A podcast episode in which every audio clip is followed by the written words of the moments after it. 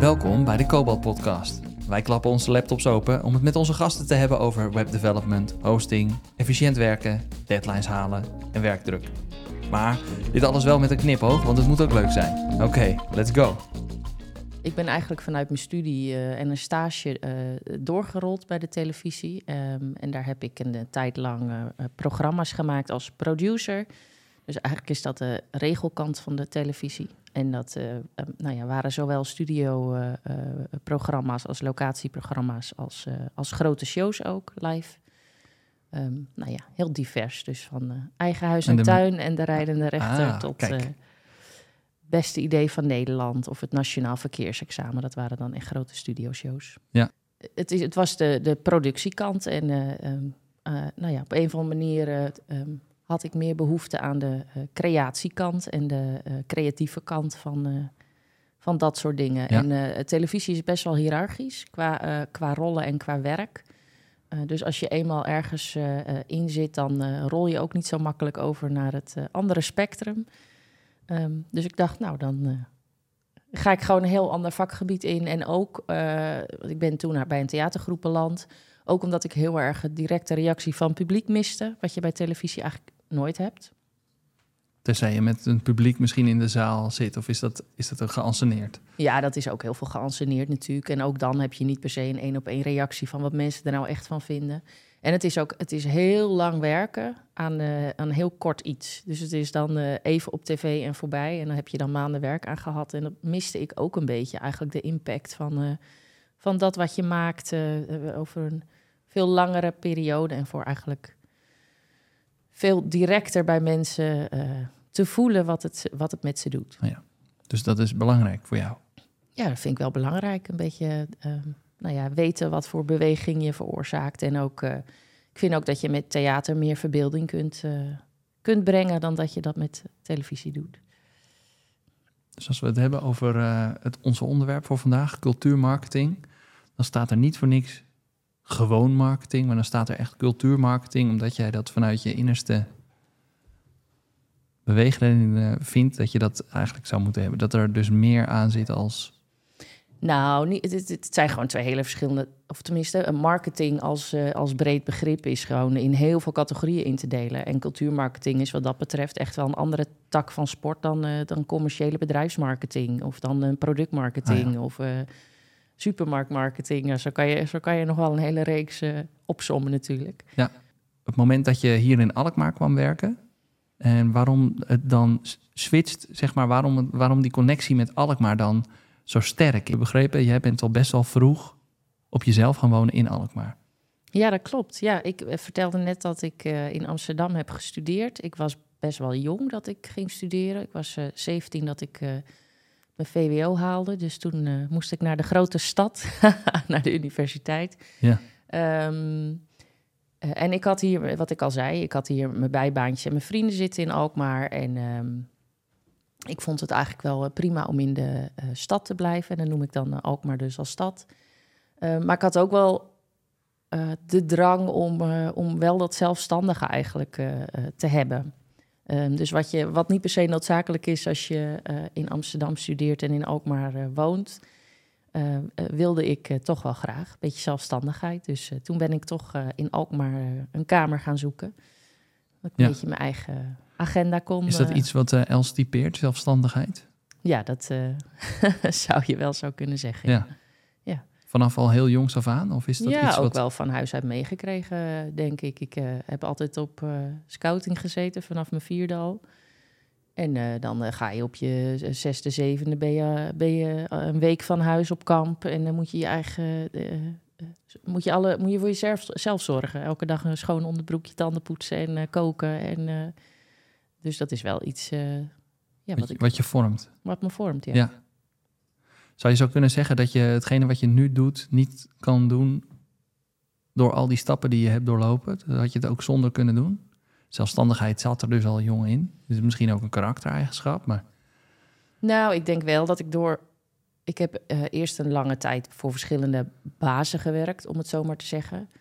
Um, en ik merkte wel al dat dat niet per se aan mij besteed is. Uh, en dat heeft niks met, um, uh, hoe zeg je dat? Dat ik niet tegen autoriteit kan of zo. Maar ik merk wel dat ik het gewoon heel fijn vind om mijn eigen eh, werkpad uit te stippelen. En eh, eh, om daar zelf keuzes in te maken, maar ook om daar zelf risico in te lopen. Ik bedoel, het is niet altijd, ondernemer zijn heeft natuurlijk ook heeft altijd twee kanten. Je kan je eigen agenda bepalen en je eigen dingen doen, maar je loopt ook het risico. En die twee elementen, dat, dat past gewoon heel goed bij me.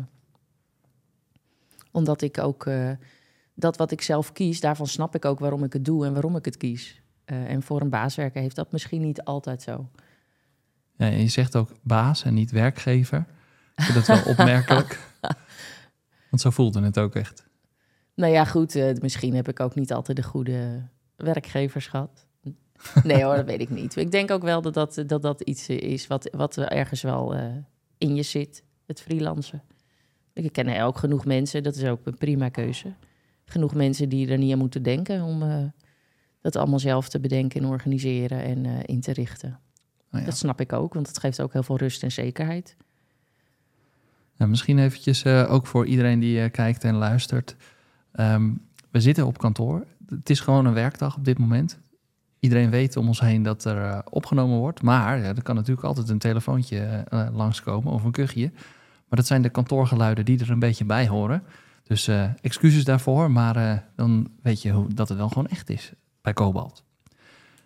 Ehm, even terugpakkend eh, naar het zelfstandigheid, als je dat goed vindt. Je bent dus nu zelfstandige of freelancer, zoals je dat noemt. Jij hebt ervoor gezorgd dat je altijd heel zelfstandig bezig bent vanaf je zesde of zevende jaar al af aan. Dat is super knap natuurlijk.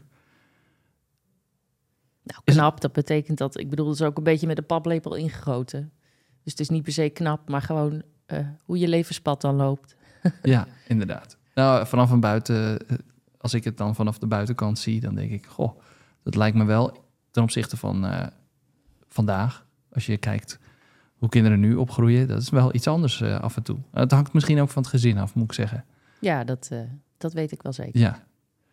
Nou, ik denk wel dat het een kracht is nu. Dat is eh, zeker ook een kracht. Want eh, eh, kijk, ik vind mijn werk heel erg leuk, want ik kan het zelf creëren ehm, eh, als freelancer. Ik doe ook veel eigen projecten, maar daar hebben we het vast straks nog meer over. Ehm, maar dat, dat komt ook wel door dat, door dat zelfstandige. Want omdat ik op mijn eh 18 op mezelf ging wonen, heb ik ook altijd heel hard bijgewerkt om mijn huur te kunnen betalen naast mijn studie. Ehm, en dat is altijd gelukt. Dus, dus ik vind hard werken niet erg, omdat ik mijn werk ook heel leuk vind. Maar ook omdat ik dat van vroeger uit gewoon heel erg gewend ben om Ja. te doen. Ja, en jij bent ook wel eens voor banen niet aangenomen omdat je dan eh, overgekwalificeerd was. Dat heb ik wel eens eh, meegekregen. Dus je hebt aan de ene kant eh, de eigenschap van dat je heel erg ja, zelfstandig bent. Je bent nu zelfstandige. Maar als je dan ergens solliciteert en je wordt dan ook nog erop gewezen van ja, jij bent erg zelfstandig, jij bent overgekwalificeerd. Jeetje, wat, eh, je hebt eh, met je baas af en toe een, eh, een issue gehad, zoals je het dan zelf noemt. Nou, geen issue. Dat, dat, nee, dat is gewoon niet waar. heb ik ook nooit gezegd. Ik Nee. fiets hem er zo voor je heen. Nee, helemaal niet. Want ik ben ook heel loyaal en trouw. Dus als ik ergens een opdracht aanga, in de breedte zin van het woord, dan rond ik die altijd naar mijn beste Ja. kunnen af. Eh, Of je nou een baas hebt of niet. Of ik nou een baas heb of niet. Nee, dat, is me, dat is me eer te na in die zin. Want eh, eh, zo zit ik ook wel in de wedstrijd. Goed, anyways, cultuurmarketing, we schrijven het aan elkaar. Ik had er nog nooit van gehoord dat het ook een specialisme is. Ehm, maar jij bent de specialist op dit vakgebied. Nou ja, ja, eigenlijk is het wel gewoon wat er staat. Hè? Cultuurmarketing. Dus het is eigenlijk het naar de markt brengen van culturele belevingen in de breedte zin van het woord. Dus dat kan een theatervoorstelling zijn, maar dat kan ook een optreden in een poppodium zijn. Ehm, eigenlijk allerlei eh, culturele activiteiten. Een expositie in een museum. Eh, het kunnen ook hele festivals zijn.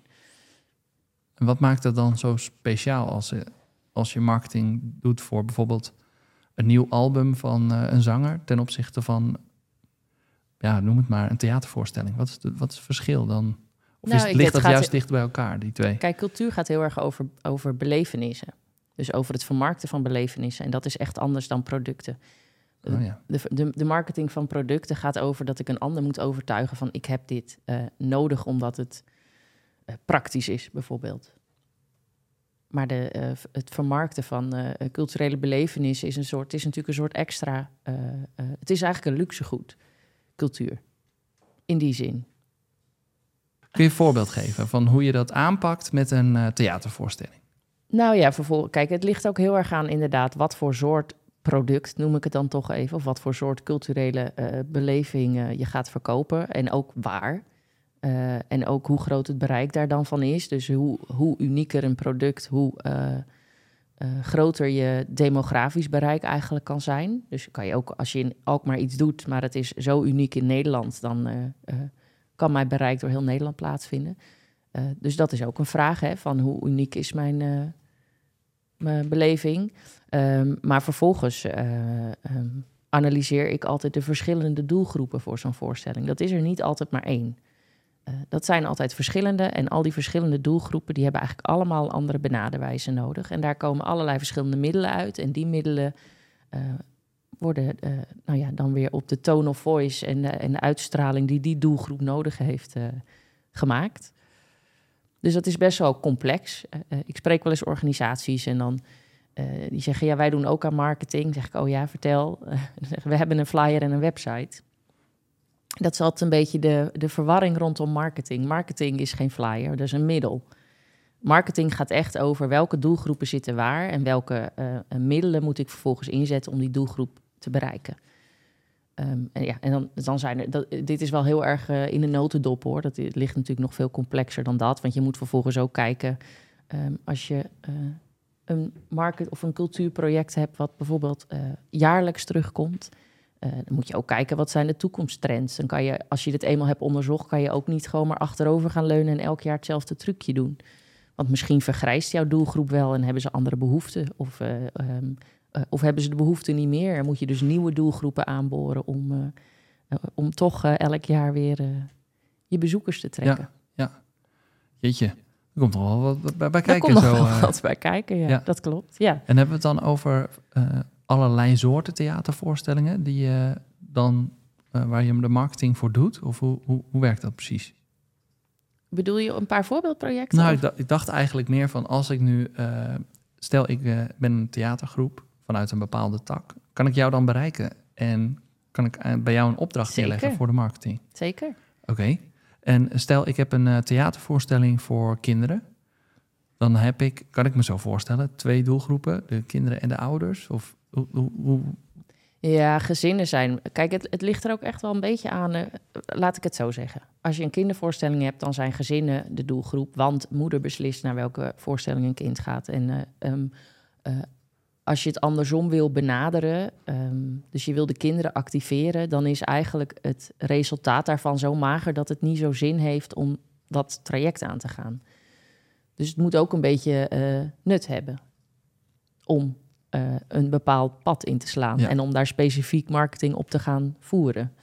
Ehm, dus als je, als je weet dat je met eh, ehm, een marketingcampagne richting kinderen 1% van je kaartverkoop bereikt, dan moet je je afvragen of dat dan nuttig is.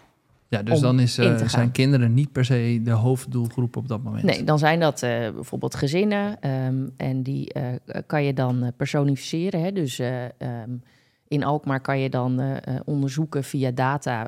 waar wonen de meeste gezinnen in Alkmaar... maar ook wat voor gezinnen wonen in welke wijk... Ehm, en op wat voor manier spreek ik die dan aan? Dus dat kan zelfs nog op, op wijkniveau dan verschillen. Dus deze mensen vinden het fijn om met je of jij aangesproken te worden. Deze mensen vinden het fijn om met u aangesproken te worden.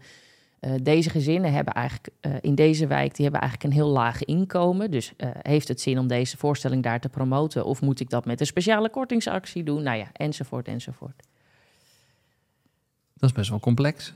Ja, dat is heel complex. Zeker als je ook nog bij een organisatie eh, werkt waar dan een heleboel verschillende voorstellingen geda- uitgevoerd worden. Of Ja. hoe je dat geplaatst worden. Ehm, Geprogrammeerd. geprogrammeerd Overal, worden. ja. Zoals bij eh Caravaan. Ja. Daar heb je een eh, zes jaar eh, gewerkt, denk ik. Zes jaar, ja, als eh, freelancer. En in 2015 is eh Caravaan verzelfstandigd. ehm, omdat de provincie dat niet meer wilde ondersteunen. En voorheen was het een locatietheater, gezelschap, groep, organisatie... die hier door heel de provincie reisde met Ja. een zomerfestival. Heel Noord-Holland. Dus, Heel Noord-Holland, ja.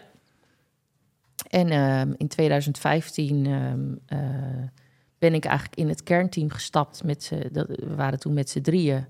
eh, omdat we het zonde vonden als Caravane niet meer eh, eh, bleef bestaan. Omdat het al zo lang wortels hier in Noord-Holland heeft. En toen zijn we dat in Alkmaar gaan bestendigen. Of gaan eh, ehm, eh, vestigen, wortelen. En dat heb ik inderdaad zes jaar gedaan. Waarmee het eerst alleen een zomerfestival was. Ehm locatie Theater Zomerfestival. En daarna eigenlijk is uitgegroeid tot een jaar rond eh, programma. Met Ja. allerlei toffe projecten. En dan kan ik me voorstellen dat er dus in, dat, in die zin cultuurmarketing voor Caravaan gedaan moet worden, maar ook voor de individuele voorstellingen die er plaatsvinden. Is dat dan iets wat eh, jij als in Caravaan dat met z'n allen oppakte? Of hadden die voorstellingen hun eigen marketingcampagnes? Nou, het is, dat is een beetje. eh, dat, dat zijn twee sporen. Want Caravaan ontwikkelde ook of ontwikkelt ook veel eigen eh, voorstellingen. Ehm, en dan eh, doe je van scratch af aan echt eigen marketing. Maar in een festival worden er ook van professionele groepen en, en, en makers voorstellingen geprogrammeerd. En dan soms hebben die groepen een hele goede eigen marketingafdeling en soms, soms niet. En dan moet je zelf ook hard aan de bak om daar nog eh, wat Ja. mee te doen. En ook om, ik bedoel, dat is natuurlijk ook altijd een wisselwerking. Want eh, eh, nou ja, jij kent het publiek hier in regio Alkmaar en zij kennen dat niet. Dus daar trek je ook samen in op. Ik kan me ook voorstellen dat in zes jaar tijd je dan inderdaad het herhalen van je trucje, zoals je net vertelde, dat dat op een gegeven moment niet meer werkt. En ook als je kijkt naar de doelgroep, dat dat misschien verandert en dat je een nieuwe doelgroep aan moet boren. TikTok gebruikt bijvoorbeeld? TikTok, nee, nee, nee, nee. Maar ook omdat het eh, in, eh, in de marketingstrategie eh, nooit als eh, middel naar voren Kinderen kwam in te zitten zitten. eigenlijk op TikTok vooral, eh, merk je nu. Ja, Dus dan is dat niet per se de doelgroep, maar dan Instagram is wel eh, iets wat er, eh, ja, dat is zes jaar geleden. Ik weet niet of toen Instagram gebruikt werd, maar dat heb je ja zeker, zeker. toegepast. Zeker.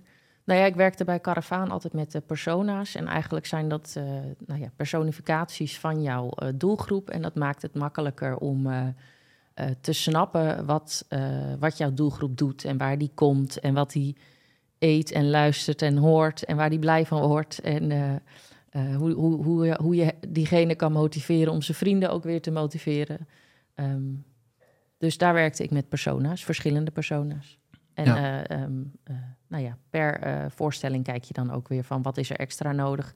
En het verschil met wat het bij Caravaan dan weer complexer maakt, is dat het een locatietheater eh, festival is, waarbij alle voorstellingen constant op andere plekken zijn. Dus je speelt niet altijd in Alkmaar, je speelt in de hele regio. Dus als je ineens een voorstelling in Castricum speelt, dan heb je eigenlijk weer een hele andere doelgroep om Ja. ook aan te spreken. Dus je hebt een soort basispubliek van Caravaan die altijd wel naar je voorstellingen komt. Maar daarbij kijk je ook, en bij elke voorstelling, wat is het genre en wat is dan de doelgroep, maar ook waar speel ik? Hè? En zitten daar dan nog eh, verborgen doelgroepen die ook aangesproken moeten worden? Het is misschien wel leuk om te melden. Wij hebben drie jaar eh, geleden samen de Caravaan-website eh, ontwikkeld. Toen kwam jij inderdaad met de persona's langs. Die hadden wij als wens inderdaad om mee te nemen. Het was heel fijn dat die er eh, al waren. Ehm, wat je dan ook ziet aan de website, als je hem nu nog bekijkt, dat die eh, sowieso eh, bij Caravaan wordt die elk jaar wordt, krijgt hij een, een nieuwe update. Dat is goed om te zien, ook qua vormgeving. Ik denk dat ze daarmee ehm, ja, klaar zijn ook voor de toekomst. Maar ook dat je ziet dat er inderdaad voorstellingen zijn die op verschillende plekken ehm, worden, die, die op verschillende plekken plaatsvinden.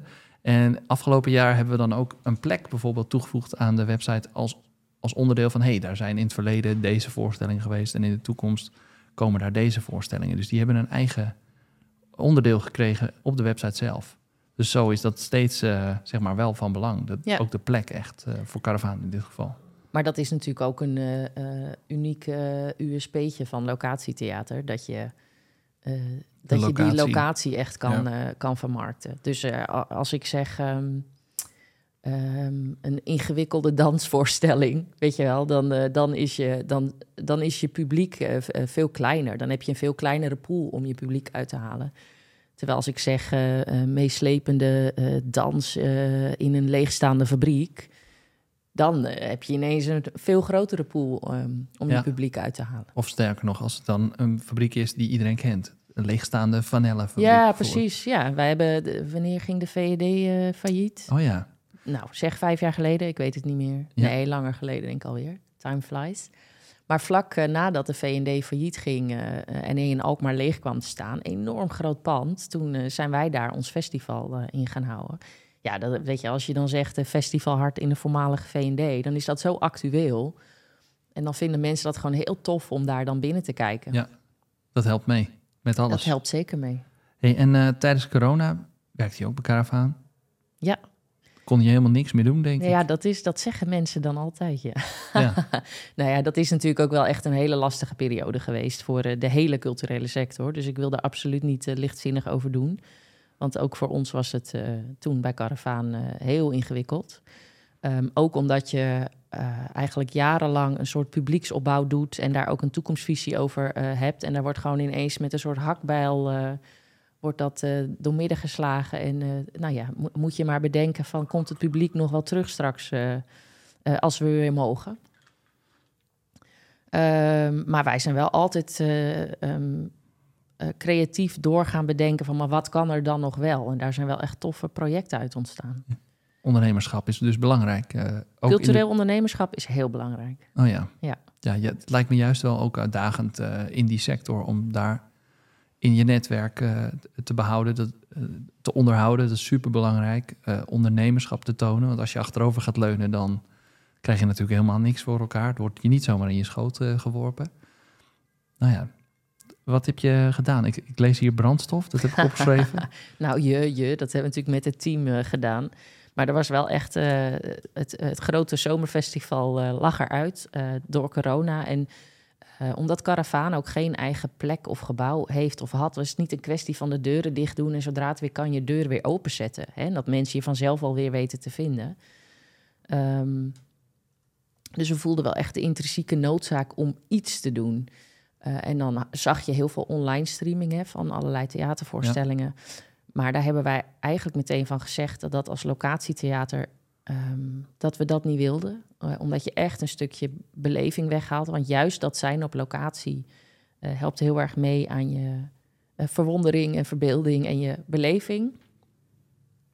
Eh, dus toen hebben we eh, brandstof ontwikkeld met een eh, klein team. En daarmee ging je ehm, als publiek in je eigen auto reed je door een fabriek heen en dan zag je op verschillende plekken in de fabriek zag je een scène die bij elkaar een voorstelling vormde. Ja, dat was echt super bijzonder. Ook natuurlijk sowieso om met je auto door een, door een lege fabriek te rijden. Eh, maar ook om dat met zo'n klein team in een hele korte tijd eh, voor elkaar te boksen met eigenlijk eh, bijna geen middelen. Ehm, maar ook om bij publiek te zien dat er zo'n honger was eigenlijk naar cultuur, naar beleving, Ja. naar uitjes. helemaal Want- kippenvel ervan. alles was gecanceld.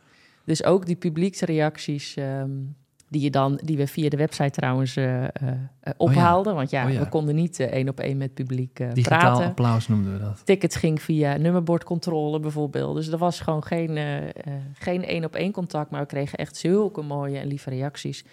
En dat viel ook op, ook buiten Alkmaar. Want daar hadden we ook echt wel veel landelijk bereik mee. Dus we zijn in het 8 uur journaal geweest en een item in Nieuwsuur. En de minister is, eh, van Engelse Hoofdtoen Cultuur is, eh, is langs geweest. Dus het was echt eh, heel hard werken voor heel weinig. Maar het was echt een cadeautje. Ja. ja, en wat is weinig dan in dit geval? Ja, precies. het lijkt me wel bijzonder dat je dan... Voor mij, als ik op een afstandje daarnaar keek... dan zag ik dat jullie een van de eerste in Nederland waren... die zo'n soort opzet hadden ontwikkeld. En eigenlijk al heel snel daarna... zeker waarschijnlijk vanwege het landelijke nieuws... zag je allemaal, eh, nou geen kopieën, want dat vind ik flauw... maar eh, initiatieven of eh, varianten hier op eh, eh, deze methode... van met je auto ergens naartoe, doorheen... Ja, maar bij ons was het ook. Kijk, wij hebben ergens online toen een boer gezien die mensen door zijn stal liet rijden om vlees, melk, iets op te halen. Ik weet het even niet meer. Dus dat heeft bij ons ook een zaadje geplant. Oh ja. Het is niet zo dat wij al- eh, ehm, altijd maar aan de, eh, aan de wieg staan van alle goede ideeën die ontstaan. Goede ideeën ontstaan altijd weer eh, doordat je iets ergens anders eh, eh, ziet en daardoor vaak, geïnspireerd raakt. Met innovatie, dat het altijd een, eh, een voortkomt uit al iets bestaans, maar dan net een kleine ja, variatie. tuurlijk. Je haalt die inspiratie altijd ergens eh, Ja. vandaan. En, Alleen die eh, boer had geen acht uur journaal gehaald. Die boer had geen... nou, wij hebben het ook ergens gezien. oh ja, dus, natuurlijk. ja. Ja. Goeie marketing, die boer. marketing, die boer. Ja, precies. Is het nou iets wat wel aan jouw hand is toe te dichten volledig? Dat dus zo'n acht uur journaal bij, in dit geval Caravaan komt, door jouw cultuurmarketing?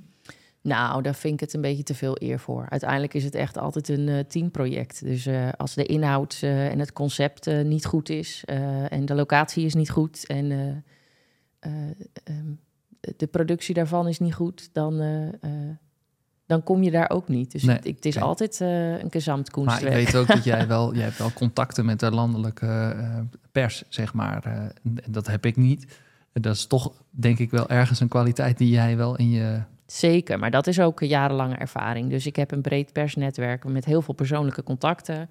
Eh, en ik weet ook precies wat ik op welk moment eh, eh, en met welke zinnen zeg maar, tegen wie moet zetten. Het is bij mij ook niet, als ik een persbericht stuur, is dat ook niet standaard. Gooi het over de schutting naar alle media eh, en pers die er bestaan. eh. Gegenereerd door GPT-3. ja, bij wijze van. Ja, niet dus. Nee, nee, want eh, ik, schrijf wel eens, vers- ik schrijf wel eens verschillende persberichten over hetzelfde onderwerp. En dat stuur ik dan naar verschillende mensen. En dan, ja, Supergericht dus. ja, Ja. Is het zo dat er een theatergroep naar jou toe- kan toestappen en dan kan zeggen: hé, hey, landelijke pers, ik wil, je, ik wil jou. ja, dat doe ik regelmatig voor. Oké, Ja. dat kan je dan beloven. Nee, dat kan ik helemaal niet beloven.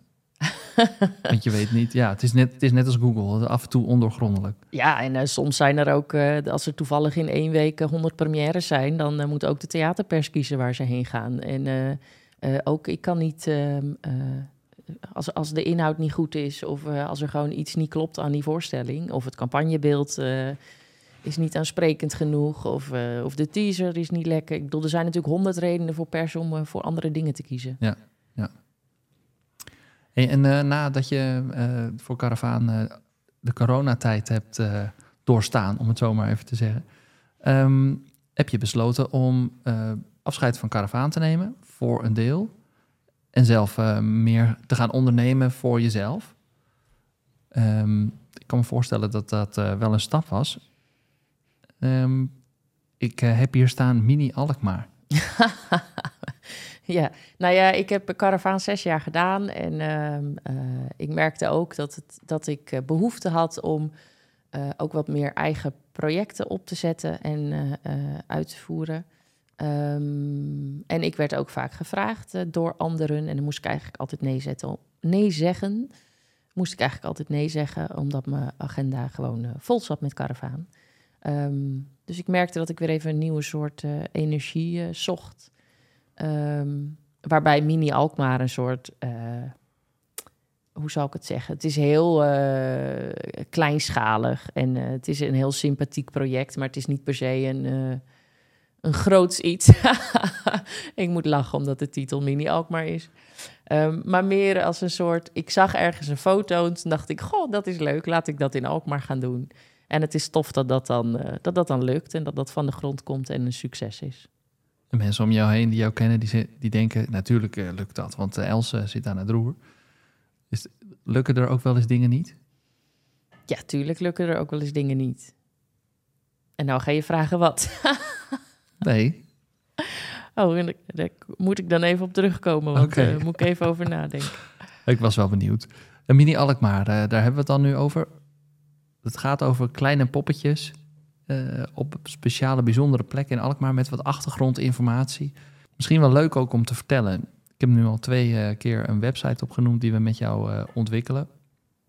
Je zit in deze podcast ook omdat we jou eh, natuurlijk hebben gevraagd, maar misschien wel leuk om even ook wat terug te geven. Wij noemen jou vaak eh, de, de perfecte voorbeeldklant. En eh, waarom is dat? Is omdat jij eh, namelijk best wel kritisch bent. Veel verschillende soorten projecten bij ons neerlegt. Dus wij willen en de landingspage willen we kunnen faciliteren voor een klant zoals jij. Maar ook eh, de grotere websites. eh, misschien hebben we het daar zo nog wel over. Of de Caravaan website waar het in dit geval over gaat. Ja, dat zijn, dat zijn mooie projecten. Ja, en ehm, is misschien leuk om even zo aan terug te geven. Oh ja. Want ik heb hier de volgende website staan die we met je gemaakt hebben. De website voor Upfest. Ja, Wat is Upfest? Upfest, ja, dat is een, een splinternieuw festival. Uh, um, nou ja, ik zei net, uh, kijk, ik doe cultuurmarketing, maar um, um, ik doe meer. Ik ontwikkel ook eigen evenementen, festivals, projecten, zoals Mini Alkmaar net.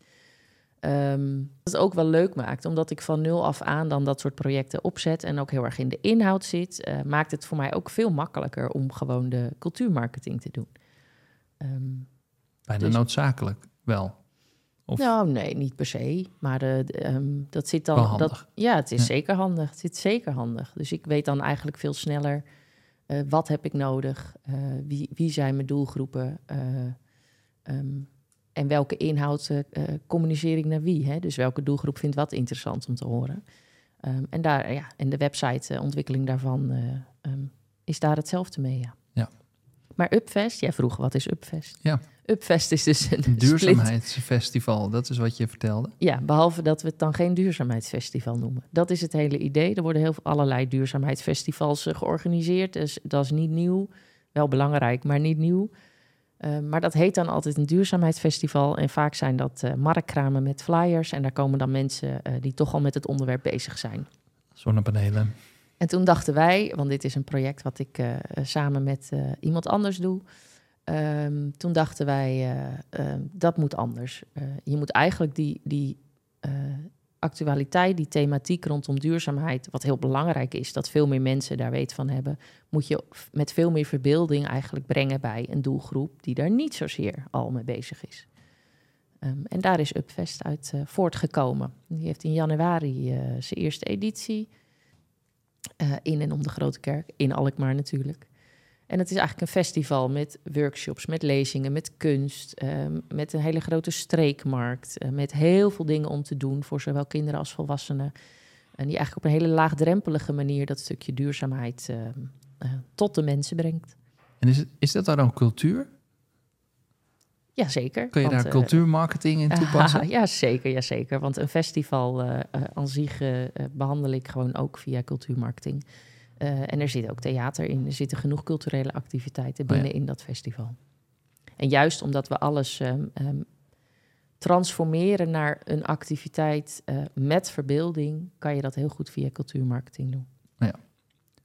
Ik zit nog even te denken, um, we hebben het natuurlijk over cultuurmarketing, maar ik wil nog eigenlijk eventjes een, een stukje terug naar, jou, uh, naar jouw persoon, ja, naar jou als persoon. want ik zit te denken, jij zei net, ik ben Upfest gaan starten met een ander persoon. Dat is Mirella Dos van Dos Events. Dos, en, Dos Event Support. Dos, Dos Event Support. En uh, uh, misschien ook wel goed om te melden dat jij al twee, drie andere projecten ook met haar hebt uh, gedaan. En ik moet ineens denken aan dat je met haar een week naar Lesbos bent geweest. En ook dat je vluchtelingen met elkaar hebt laten eten met de Alkmaarders. En, hoe heette dat ook alweer? Dat... Alkmaar Invites You. Alkmaar Invites You. En af en toe zie ik daar nog eens wat langs van komen. Of mensen die, die, die, die mij dan aanspreken van... oh, dat was een leuk uh, project. Dat, dat, dat app, dat is eenmalig geweest volgens mij, of twee keer? Nee, ja, eenmalig. Maar we zijn bezig met een tweede editie, oh, toevallig. Echt? Ah, ik ja. zag je al zo kijken. Van, waar heb je het over? Nou ja, ik zat te wachten waar dit gesprek uh, heen ging. Oké, okay. nou het was eenmalig ooit, maar je hebt het, eh, dat appte zeg maar jaar na jaar, uh, appte dat nog wel door. Van weet je nog vorig jaar, wist je nog vorig jaar? Dus je ziet dat dan wel terugkomen. Dat is mooi om te zien. Ja, en dat zijn dan projecten die we uh, puur vanuit uh, persoonlijke motivatie uh, doen. En die, waarbij we onze eigen kennis en kunde inzetten om iets te ontwikkelen. Maar vervolgens verdienen we daar natuurlijk geen stuiver aan. Wil ik wel even gezegd hebben. ja, dus dat is de andere kant van, de, van het televisiewerk, waar het uh, stampen was. Maar dat je zocht naar meer cultuur. Dit is alleen maar cultuur, wat dat betreft. En dan verdien je dus geen stuiver aan. Dus dat nee, is... ik bedoel meer omdat het, uh, onze eigen uren eh, steken we daar ook gewoon om niet in. Zo bedoel ik het. Ah. Omdat we het belangrijk vinden dat dat soort projecten uh, ja. er zijn en ontstaan. Zoals Cobalt het project Goods for Ukraine heeft gedaan. En daar eigenlijk verder, behalve dan dat ik het nu opnoem, geen marketing of strijk over de schouder, klopje op schouder voor wil krijgen. Hoort, er, uh, hoort erbij. Hoort bij je intrinsieke motivatie. Ja, omdat we het om, belangrijk vinden dat er... Uh, ja. Nou ja, op dat moment ging het dan over heel veel vluchtelingen... die op dat moment naar Alkmaar kwamen in het voormalig belastingkantoor...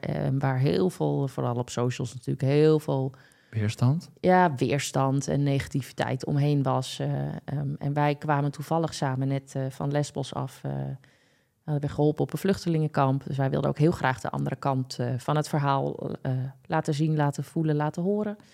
en, en dus hebben we ook maar Invite You opgezet, waarbij op één avond um, 500 vluchtelingen bij 250 ook maar gastgezinnen hebben gegeten. Ja, was super bijzonder. Ja, en dan krijg je weer allemaal verhalen van terug. Het, verhalen, dat, dat, daar ga ik een beetje op aan. Dat je zegt de andere kant van het verhaal. Ja. Je cultuurmarketing is eigenlijk ook natuurlijk een soort van verhaal wat je vertelt om mensen te motiveren om die conversie te doen eigenlijk. Bestaat het leven uit verhalen eigenlijk, als je het zo bekijkt? Nou ja, het is zeker wel zo dat je met de verhalen vertellen uh, meer mensen trekt dan, uh, dan door heel praktisch altijd te zijn. Hè? Dus uh, ik noemde net al een soort zinnetje, maar als ik zeg wat jij gaat beleven op zo'n dag, dan ben je eerder, of op zo'n avond of bij een voorstelling, dan ben je eerder geneigd om een kaartje te kopen dan als ik zeg van nou, je stoel heeft twee leuningen als je zit en, en de lichten staan aan. Ja. Maar vervolgens moet je er wel voor zorgen dat je, dat je verhaal ook klopt en dat je mm, wat mensen uiteindelijk gaan beleven ook een soort van strookt met dat verhaal. Want als ik zeg, uh, als ik een gouden ring beloof uh, en die krijg je niet tijdens de voorstelling, dan uh, haak ik af en dan ga ik klagen en dan vertel ik ook aan mijn vrienden door hoe, hoe stom het was, zeg maar. Dus je moet ook wel een beetje voorzichtig zijn natuurlijk met... Under promise, over deliver. ja, precies. Principe. Oh ja. Af en toe als ondernemer sta je ook best wel onder druk. Is het zwemmen in een ijsbad iets wat jij gebruikt om, om, om die druk tegen te gaan? Of ik las dat, dat was natuurlijk wel nieuwsgierig. Zeker weten. Het, het, heeft echt met mindset te maken. Het ondernemerschap heeft voor mij met mindset te maken. Dus als ik een, nieuw project aanga, wat, wat heel risicovol is, en ik denk vanaf start af aan al, ah, gaat nooit lukken. Dan ben ik er heilig van overtuigd dat het ook niet gaat lukken. Die mindset daarin is super belangrijk. Um, en als zelfstandig ondernemer uh, neem je je werk, je neemt je werk altijd gewoon ook mee naar huis. Uh, dus ook die persoonlijke mindset uh, thuis is gewoon heel belangrijk. Um, ik, het is niet zo dat ik elke dag de kantoordeuren achter me sluit en denk, nou, de rest komt morgen wel weer. Dat werkt zo als freelancer of zelfstandig ondernemer niet. Je bent eigenlijk altijd wel met je werk bezig. ook omdat ik overal kansen zie en overal inspiratie. dus van, bij mij houdt dat niet op van 9 tot 5. Ehm, en die persoonlijke mindset en daaraan werken en daardoor een soort positiviteit in vinden, is, is echt heel, heel belangrijk. En nou ja, ik doe dat met, met een ijsbad en met koud douchen. Maar dat, ik bedoel, dat is natuurlijk niet alleen wat Wim Hof brengt. vooral ook die ademhalingstechnieken die hij gebruikt. Maar ik doe dat ook met lange wandelingen, bijvoorbeeld. En jij werkt af en toe van, vanuit huis, of 50% ongeveer van je tijd? Zorg dat er ook voor dat je af en toe even door een koude douche eh, aan je werkdag uh, lekker kan beginnen. Ook al werk je thuis. Of, of maar is dat voor jou ook zo'n switch moment? Nou, voor mij is elke ochtend koud douchen gewoon een soort uh, ik sta aan moment. En oh waar ik dan ook mijn werkdag start, dat maakt niet zoveel uit. En enerzijds is dat thuis op kantoor en soms zit ik bij opdrachtgevers. dat verschilt heel erg. En als ik nu daarmee zou starten, want ik doe het niet, wat zou dat mij kunnen brengen? Heb je, kun je dat moment van dat je voelde dat het je wat bracht, kun je dat eens terughalen? En. Ja, maar dat is niet zozeer dat, uh, dat koud douchen per se hoor. Want dat denken mensen altijd maar bij Wim Hof. Maar het gaat vooral ook over dat ademhalen en over. Uh, even je helemaal. Eigenlijk is het een soort meditatie, zo zou je het kunnen zien. Het, gaat, het is even helemaal terug naar je, naar je binnenste ik. En nou ja, Oh Vervolgens uit je meditatie komen en weer gewoon weer even klaar zijn voor de wereld. En, uh, en al het werk wat op je afkomt. En het helpt soms ook om even te reflecteren of om even um, alles op een rijtje te krijgen wat, uh, wat de agenda nog uh, voor je in petto heeft. Ja. Je bent met Rewild, een organisatie die met mensen op pad gaat om even terug naar de kern te, te, gaan, als ik het goed heb begrepen. Ben je naar de Ardennen geweest begin dit jaar? En heb je aan het halverwege het einde van het jaar, een aantal maanden geleden, ben je naar Jordanië. Er, vorige maand, ja. Vorige maand ja. ben je naartoe. Ja. Kun je ja, eens wat over vertellen? Nou, dat is ook wel echt uh, rewild, hè? dat zegt het al. Even terug, uh, terug naar de natuur. Dus eigenlijk ga je dan met een groep onbekende um, hoe zeg je dat? Zonder luxe even helemaal terug naar de basis. Ehm, en dat helpt gewoon ook heel erg om je hoofd even leeg te krijgen en om te beseffen wat echt belangrijk is in het leven. Ja. Heb je al keuzes gemaakt naar aanleiding van die trip? Je denkt, nou, dit ga ik compleet anders doen.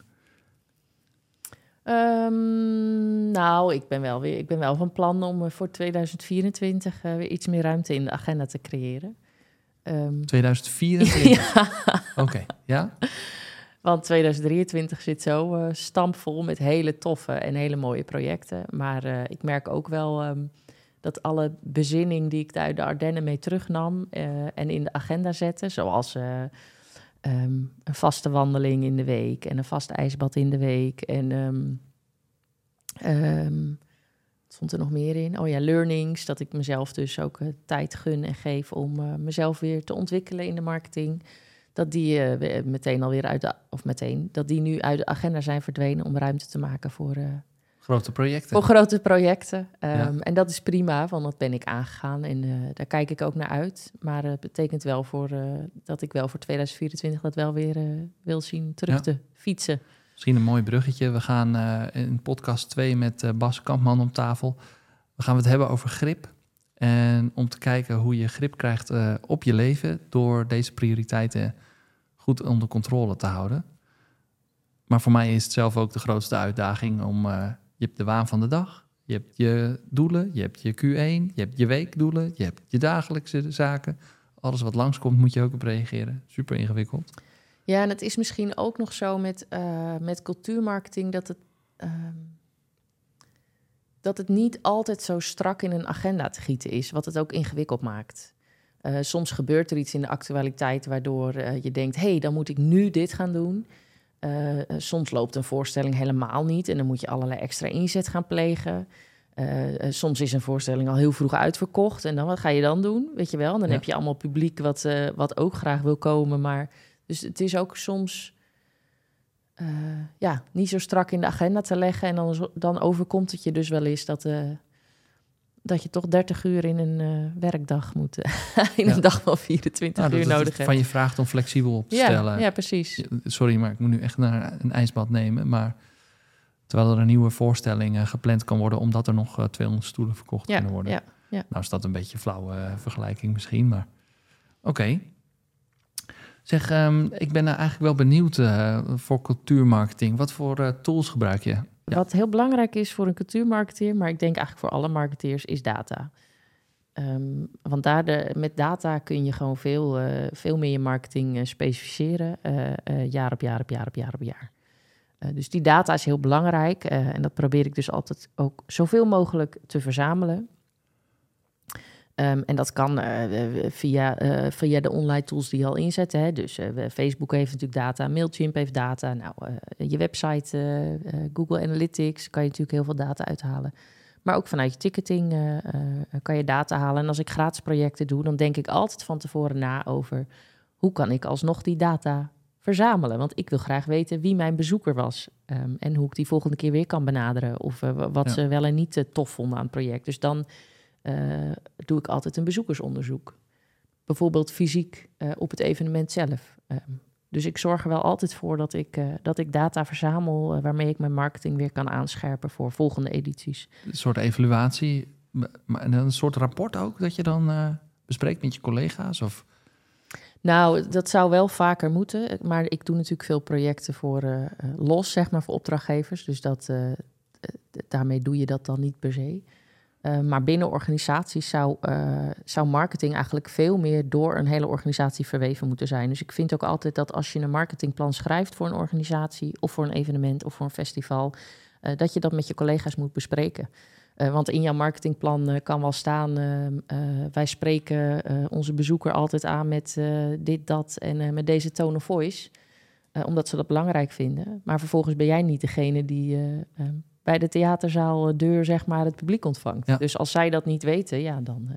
Ja, ik weet dat jij daar altijd heel gevoelig voor bent. Of het totaalplaatje klopt van uh, waar je ook bent of heen gaat of iets in de richting. Ja. Daar valt veel te winnen. Daar valt heel veel te winnen, zeker. het is ook zo als je een webshop hebt en je het ziet er allemaal eh, super strak uit. En vervolgens eh, wordt je telefonisch heel ander behandeld. Dan is het ook heel gek. Het moet ja, ja, inderdaad ja. wel moet, kloppen. het hele totaalplaatje moet kloppen. Ja. Dus daarvoor is evaluatie wel belangrijk van data. Evaluatie, maar ook eh, eh, ehm, dat een hele organisatie eigenlijk snapt eh, wie de bezoeker is. Ja. Ik kwam er bijvoorbeeld ehm, op de Facebook van Caravaan eh, op een gegeven moment achter dat als je de demografie ging analyseren, dat er heel veel, heel veel mensen uit Amsterdam ons volgden. Je denkt, hu, Amsterdam, weet je wel, we hebben Ja. heel veel Alkmaarse bezoekers. Maar in Amsterdam woont eigenlijk het hele ehm, eh, kunstenaarsveld. Of eigenlijk eh, niet het hele, maar eh, dus eh, de analyse daarvan zou kunnen zijn dat vooral ehm, theatermensen of degene die theater beoefenen, karavaan op Facebook volgden. Dus dan ga je heel anders nadenken over eh, je Facebook-strategie. Oh ja. Over wat je daar dan op vertelt. Enerzijds, dus eh, dan heeft het niet heel veel zin om, eh, om te proberen om een eh, eh, kaartje te verkopen aan diegene. Eh, maar anderzijds ga je ook nadenken van... hé, hey, maar hoe kunnen we dan... eh, hoe kunnen we eigenlijk het Alkmaarse bereik laten groeien? Hè? Dus hoe kunnen we ervoor zorgen dat veel meer eh Alkmaarse Facebook-volgers eh, ons gaan volgen? Eventjes iets luchtigers. Lunch jij wel eens? Lunch jij wel eens? Nou, eigenlijk niet. Nee? Nee hoor, ik doe wat ze dan noemen intermittent fasting. Dus eh, ik Ook nog? ontbijt eigenlijk meestal pas om een uur of één. Ja, is dat dan lunch? Als het je eerste maaltijd van de dag is, dat is dan een vraag. Wat is jouw eh, favoriete lunch? Dat hoeft niet per se tijdens de werk, eh, werk te zijn, maar Oh ja. Jeetje, dat ligt er heel erg aan waar ik ben en in welke gemoedstoestand. oké. Dus Dus stel ik zit op een, kantoor. op een zonnig eh, strand, dan eh Ah. een lekkere pasta von kolen met een goed glas witte wijn of een pannetje mosselen. Misschien dat onze luisteraars eh, een tip kunnen meenemen voor de doordeweekse lunch. Of is dat ook de van op het strand? nee. nee, maar goed, het verschilt. hè. Kijk, als ik met me op een herfstige middag met mijn gezin door de stad loop, dan vind ik een lekker zout frietje van de Vlaming heel lekker. oh ja. Maar nou, misschien, ehm misschien feu of, of eh, sushi of eh, Zo. zoiets. Luxe. Nou, gewoon lekker licht, niet te zwaar. En eh, wat voor muziek staat erop als je werkt? Als ik werk, geen. Geen Gek, muziek. Oh ja, ik heb geen muziek aan als ik werk. Betekent niet dat ik geen muziekliefhebber ben, maar voor de focus vind ik dat vaak het lekkerst. Behalve als er heel veel afleiding om me heen is, dan, dan zet ik wel een muziekje op. En wat zet je dan op? Tijdens het werk, nou, een beetje rustig, want eh, vaak moet ik teksten schrijven of zo. En als dat dan eh, Ja. te bombastisch eh, wordt, dan... Ik ken programmeurs die kunnen heel goed werken met Metallica op de achtergrond. ja. Maar ik denk dat teksten schrijven misschien iets anders is. Maar Nou, ja, weet ik niet. Ik- nou ja, ja. elk mens is daarin verschillend. ja. Dat betekent, kijk, buiten werken vind ik ook bombastisch lekker hoor. Een keihard op mijn koptelefoon Wende Snijders opzetten, bijvoorbeeld. Oh ja. Maar ehm, eh, ja, een beetje eh, klassieke muziek vind ik best fijn om naar te luisteren. Of eh, het Amelie-album van Jan Tiersen. Of zoiets. Als er Leuk. maar niet al te veel tekst in zit. Dan je iets beter leren kennen. Ook qua cultuurmarketing hebben we een beetje al bla bla. Bah. nou, leuk. hey, eh dankjewel. Ik, ik heb nog een laatste vraag. Waar ben je nou eigenlijk niet goed in?